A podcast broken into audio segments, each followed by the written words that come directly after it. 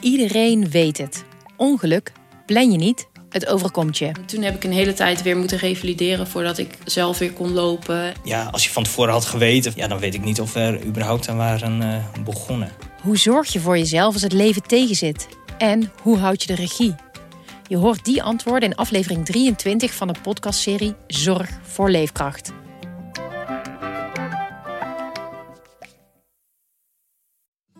En we hadden dus bij de lancering van de krant overal in Moskou hele grote borden neergezet met de leus: iedere oligarch kan Vedemus kopen. En de tagline was: in de kiosk. In Gonzo vertelt Dirk Sauer hoe hij in roerig Rusland eind jaren 90 een compleet nieuwe krant oprichtte, de Vedomosti. Via polymo.nl slash gonzo luister je de eerste 30 dagen gratis. polymo.nl slash gonzo.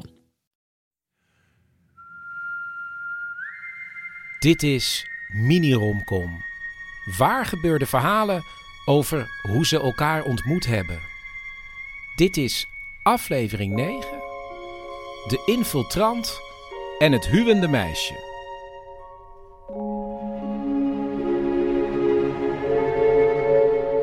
We gaan terug naar de jaren 80 en maken allereerst kennis met actievoerder Ad.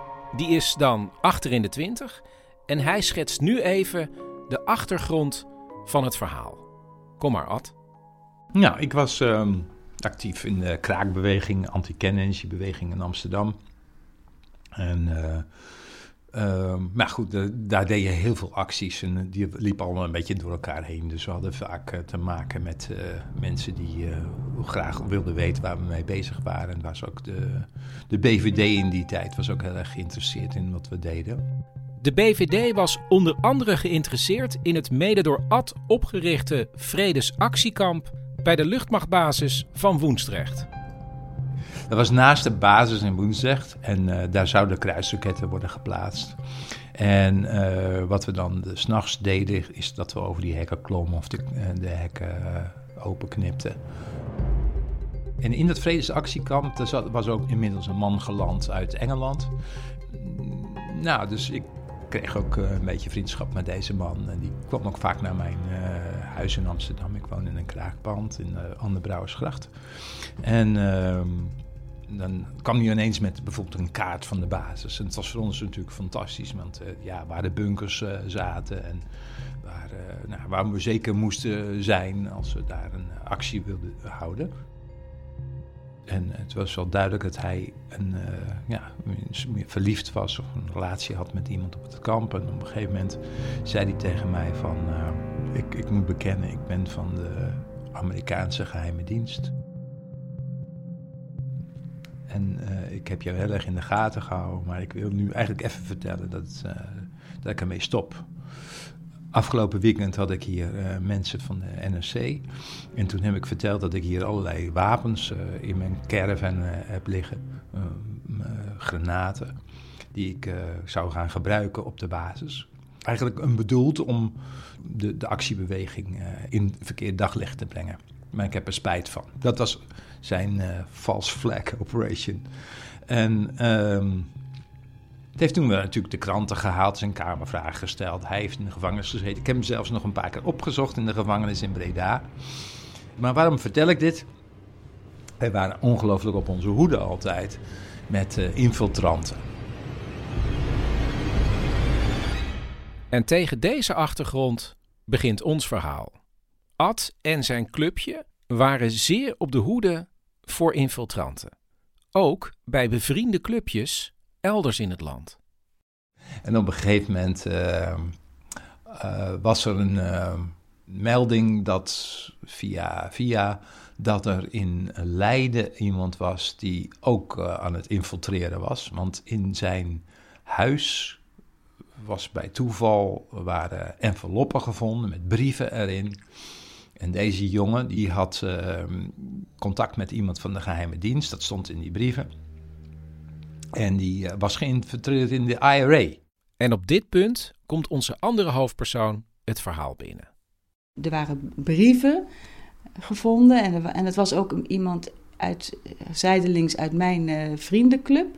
Misschien is het handig als ze zichzelf even voorstelt. Ik ben Nicole. Ik uh, was destijds 21 jaar. En waar was ze mee bezig? Ja, met allerlei ja, zeg maar sociaal bewogen activiteiten. Dus ik kraakte natuurlijk en ik zat in de Nicaragua-beweging, anti-apartheidsbeweging. Allerlei maatschappelijk bewogen activiteiten. En die activiteiten vonden plaats in Wageningen, waar Nicole woonde. Maar er was dus in Leiden iemand die zij kende van vroeger. En die had wellicht via brieven contact met een geheim agent. Ja, of was er zelf een. Hè? Dus dat was, dat was natuurlijk de kwestie dat gaf in ieder geval zoveel aanleiding wat erin stond om je er wel een beetje zorgen over te maken. Wat, hoe moeten we dit nou duiden? En, uh, en om maar omdat we dat ook niet precies wisten en ook niet goed wisten hoe je dat moest aanpakken. En ik zat in een groepje in Amsterdam waar we iets meer ervaring hadden. Dat was eigenlijk een beetje de reden waarom we met dat Amsterdamse clubje contact uh, zochten. We hebben besloten om die brieven aan hun te geven, omdat zij ze zouden kunnen bestuderen. En af, afhankelijk van daarvan zouden we kijken hoe we verder zouden gaan. De brieven zijn voor de Amsterdammers reden genoeg om verder in de materie te duiken. En dan is de vraag: hoe gaan we deze man, als die ook echt ons uh, zeg maar, aan het uithoren is, hè, dat, ze, dat hij geïnfiltreerd is in de beweging, hoe kunnen we hem er dan weer uitzetten? En wat voor informatie heeft hij? Kan hij ons ook informatie vertellen van zijn contactpersoon? Hoe, wat weet hij? Wat doet hij? En uh, kunnen we daar ook een verhaal van maken naar de buitenwereld. Op een dag komen vier Amsterdamse en vier Wageningse actievoerders bij elkaar en de mogelijke infiltrant. Ja, die, die is opgehaald met een auto. Ja, we namen hem min of meer mee in een, uh, in, uh, een kraakband. Ja, ja, je zou nu zeggen, het is een soort van, van een ontvoering. Ja, ik weet niet of het uh, zo heftig was, maar ja, eigenlijk komt, komt het daar een beetje op neer. Ja, met wel wat meer vrijwilligheid om gewoon uh, hè, zo een vriendelijk verzoek van we willen je wat uitvoeriger spreken. We hebben hem zeker niet vastgebonden, dat weet ik wel. Ja, en daarna is, is er ja, uh, in Amsterdam wel, ja, het heeft volgens mij wel, is er wel een negen uur met de jongen gesproken. We hebben hem, ja, min of meer ondervraagd. En hoe gingen die negen uur nou precies? We zaten gewoon uh, ja, een beetje te chillen. En, uh, en om de beurt, dan uh, was je aan de beurt. En dan mocht je ook ja, dan, uh, een stukje van, de, van het verhoor doen. En die negen uur gaven zowel Ad als Nicole de tijd om elkaar eens goed te bekijken. Ik vond haar direct een heel aantrekkelijke vrouw. En ze was, ik vond haar stoer omdat ze ook zo met die acties bezig was. Ja, hij had echt van die kistjes. Dus hij zag er wel stoer uit. En, een leren jas en een donkere broek en uh, oh ja, zijn haar omhoog. Uh, ja, hij leek een beetje op Henny Vrienden. eigenlijk droeg ze in die tijd al heel vaak een bruine broek. En kwam haar strakke lijf kwam daar heel goed in tot uitdrukking. En dus ik, had gelijk, ik was gelijk verliefd op haar. Maar goed, ik, ik, was ook wel, ik vond het ook wel heel spannend om wij deden we allemaal heel stoer over acties en, uh, en infiltratie, geheime diensten en zo. Maar ik vond het ook wel heel moeilijk om Nicole aan te spreken. Ik weet dat we pizza hebben gehaald en dat ik een stuk dat had voorgeschoten. En dat we dat moesten verrekenen met elkaar. En ik dacht van, volgens mij heeft niet iedereen zijn deel betaald. En dat Ad tegen mij zei van, je moet wel voor jezelf opkomen hoor. Als niet iedereen betaalt, dan moet je dat wel zeggen. Ik weet niet eens of dat dan heeft geleid tot ander betaalgedrag van andere mensen. Maar ik weet wel dat we dat tegen elkaar hebben. Nou, weinig romantisch eigenlijk, maar dat is wel, uh, dat is die dag uh, gezegd. Maar hij, ja, ik, ik, ik geloof niet dat ik nou, uh, ik was niet dat, verliefd of zo. Of wat een leuke jongen. Of, dat, dat had ik eigenlijk niet. Voordat we horen hoe Ad alsnog het hart van Nicole probeert te veroveren, is het ook wel goed om even te weten hoe het is afgelopen met de eventuele infiltrant. Ad? Nou, hij ontkende eigenlijk uh, vooral. Nicole? Volgens mij zijn we er niet heel veel wijzer van geworden. We hebben die jongen ook daarna weer uh, netjes uh, thuis gebracht, dat weet ik ook nog. Oké, okay, nou dan kunnen we ons eigenlijk volledig richten op Ad en Nicole. Hoe zat het eigenlijk met Ad en eh, relaties? Oh, ik had uh, lange tijd samengewoond. Dat was niet helemaal goed gegaan meer. Um, ja, ik had best wel veel verschillende relaties gehad. Ja, voor, en, en, en er liep ook nog wel een relatie. Uh, maar goed, in, in die tijd, uh, in de kraakbeweging, dan had je verschillende vrienden. Want ja, alles moest uh, tegen de burgerlijkheid in. Niemand was bezit, dus het was gewoon allemaal vrij. En dat betekent dat je dus ook verschillende relaties door elkaar kon laten lopen. Maakt niet uit. Ja, iedereen deed met iedereen in die tijd.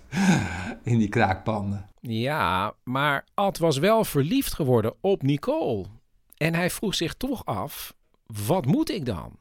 Wat, wat is nou de betekenis van dat ik deze dame ben tegengekomen? Is dat iets? Of... En ik was in die tijd nog wel ook een beetje van, uh, van het, ja, van uh, de I Ching. De I Ching, dat is een Chinees oud orakelboek. En ik weet niet precies hoe het werkt, maar je kan muntjes gooien. En aan de hand van wat je gooit, kom je uit op een lemma in het boek. Nou, Ad gooit de muntjes en komt bij het volgende lemma: het huwende meisje. En wat staat daar? Het huwende meisje toont het einde van de maagdelijkheid. Dit hexagram wordt zeer verschillend beoordeeld. In later tijd gold het als immoreel wanneer een meisje op eigen initiatief trouwde. De goede zede wil dat het meisje de mannelijke toenadering afwacht, zoals dat in de vorige hexagram wordt uiteengezet. Ad zag dit als een duidelijke aanwijzing en besloot Nicole een kaartje te sturen. En wat stond daarop? Dat ik haar heel leuk vond, heel spannend vond. En dat ik uh, ook de I Ching had gegooid. En dat, ik, um, dat daar het huwende meisje uit uh, voortkwam. En dat klinkt misschien heel vaag, maar gelukkig sloot Ad af met een vrij concrete vraag. Uh, vind, je, vind je het leuk om bij mij te komen eten? En toen ben ik daarop op ingegaan. Ja, nou, die avond ja, was gewoon uh, gaan met elkaar eten en op de bank en, en, en, kletsen. Maar volgens mij had hij het lot niet willen tarten dat er stilte zou vallen. Dus hij had gewoon wat uh, entertainment voorbereid. Ik had in die tijd, was ik dol op goocheltrucjes. En ik was in de leer bij een goochelaar in Amsterdam. Dus ik dacht, ik zie mijn kans nu om, uh, om haar, te, ja, uh, haar ja, een beetje indruk te maken op het meisje, op het hu huwende meisje. Goocheltrucjes. en dus, dus, die kwamen ook van stal. En dat heeft hij ook. Nou, dan ben ik echt niet op die goocheltrucjes gevallen. Het was gewoon uiteindelijk wel. ja, dus de vlam sloeg wel over. ik geloof wel dat ze een beetje onder de indruk was. Dus het uh, begon te werken, de magie. En de eerste zoen? Ja, dat, dat, nou, de eerste zoen was uh, op de bank tussen de goocheltrucs door, zeg maar. Ik denk ook dat, we, dat ze bij mij is blijven slapen. Maar um, ik moet eerlijk zeggen dat ik dat dan niet meer heb onthouden of dat inderdaad zo was. Ik ben ook gelijk blijven slapen. Daar is geen gras over gegroeid. Nee. Maar dat is ook misschien wel een beetje jaren tachtig. Dat weet ik eigenlijk niet. Maar in ieder geval uh, ging het bij ons zo. En vanaf dat moment hebben ze iets met elkaar, toch? Het was wel duidelijk dat het een, dat het een serieuze relatie uh, in de dop uh, was. In de dop, want ja, ze woonden ver uit elkaar. Wageningen, Amsterdam. het waren de jaren tachtig. En Nicole was ook nog heel jong. Ja, ik, had het, ik vond dat ik ook nog wel een beetje moest experimenteren met relaties. Dus met seksualiteit en met dus, dus ja, in die zin was het een, een open relatie. Een beetje wat niet weet, wat niet deert. Want het zou zomaar kunnen dat voor dat voor Ad ook gold. Maar daar hadden we het ook eigenlijk verder niet uh, over met elkaar. Maar ja, bijna elk weekend zochten we elkaar op en hadden we het, hadden het goed met elkaar. In de loop der jaren raakt het experimenteren op de achtergrond. En zijn ze alleen nog maar bij elkaar. Maar hoe werd daar in de krakersscene eigenlijk tegen aangekeken? Tegen zo'n liefdespaar? Het was burgerlijk om elkaar te laten zien dat je van elkaar hield. Dus je gaf elkaar nooit een kus zomaar in het openbaar. Uh, je, mag ook, je mocht je handje niet vasthouden. Het waren allemaal zo'n ongeschreven regels in de kraakbeweging in Amsterdam. Je, iedereen was kameraad, eigenlijk uh, mede-actievoerder. Uh, allemaal deden we het voor hetzelfde doel. en liefde kon eigenlijk alleen maar interfereren met het actiedoel wat je had. zo, zo, ja, daar geloofde hij een beetje in. Dat was een beetje in die tijd, uh, was dat uh, het adagium, ja. Ja, maar ik vond dat niet altijd zo leuk. Maar ik, ik denk dat dat, dat virus van die normen wat meer te pakken had dan dat, uh, dan dat ik dat had. Maar dat is absoluut waar hoor. Je mocht ook. Uh, en dan ging je naar, naar een feestje en dan mocht je bij wijze van spreken niet de hele tijd met elkaar zitten kletsen. Want dan moest je je vooral niet laten blijken dat je heel intiem. ja, het was, er zaten gewoon rare normen omheen over hoe. het is zo'n nieuwe kerk. Dat is, echt de, dat is echt de vorm van een nieuwe kerk. Ja. Ad en Nicole zijn nog steeds bij elkaar en leiden een heel burgerlijk leven. Ze hebben een gezin met kinderen, een huis, goede banen, maar één ding niet. Nee, dat was, het, ja, dat was hem. We zijn nooit getrouwd. In verband met dat we dat burgerlijk zouden vinden. Maar twee jaar geleden was er wel een geregistreerd partnerschap. We hebben ons prachtig uitgedost. We zijn gaan uit eten gegaan. Eigenlijk is hij getrouwd, maar mag hij het niet weten. ja, hij mag het wel weten, hij mag, je mag het alleen niet zo noemen. Ja. Kijk, Ad is, is van, de, van meer van de principes. En uh, ja, dan is, het, dan is het lastig soms om daar ja, om andere gedachten te brengen. En soms zit hij daar ook een beetje in vast.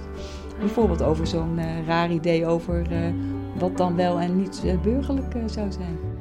Ik had nog wel ook echt willen trouwen, maar dat zat er bij Ad echt niet in. Maar goed, we, zijn, we hebben nu een, een soort duurzaam contract getekend. Dus daar zijn we wel, we zijn wel een soort van getrouwd. Ik kon het ook bijna niet horen hoor, want hij ging steeds zachter praten. Ik heb het wat harder gezet. Ad, wat zei je nou? We zijn wel een soort van getrouwd.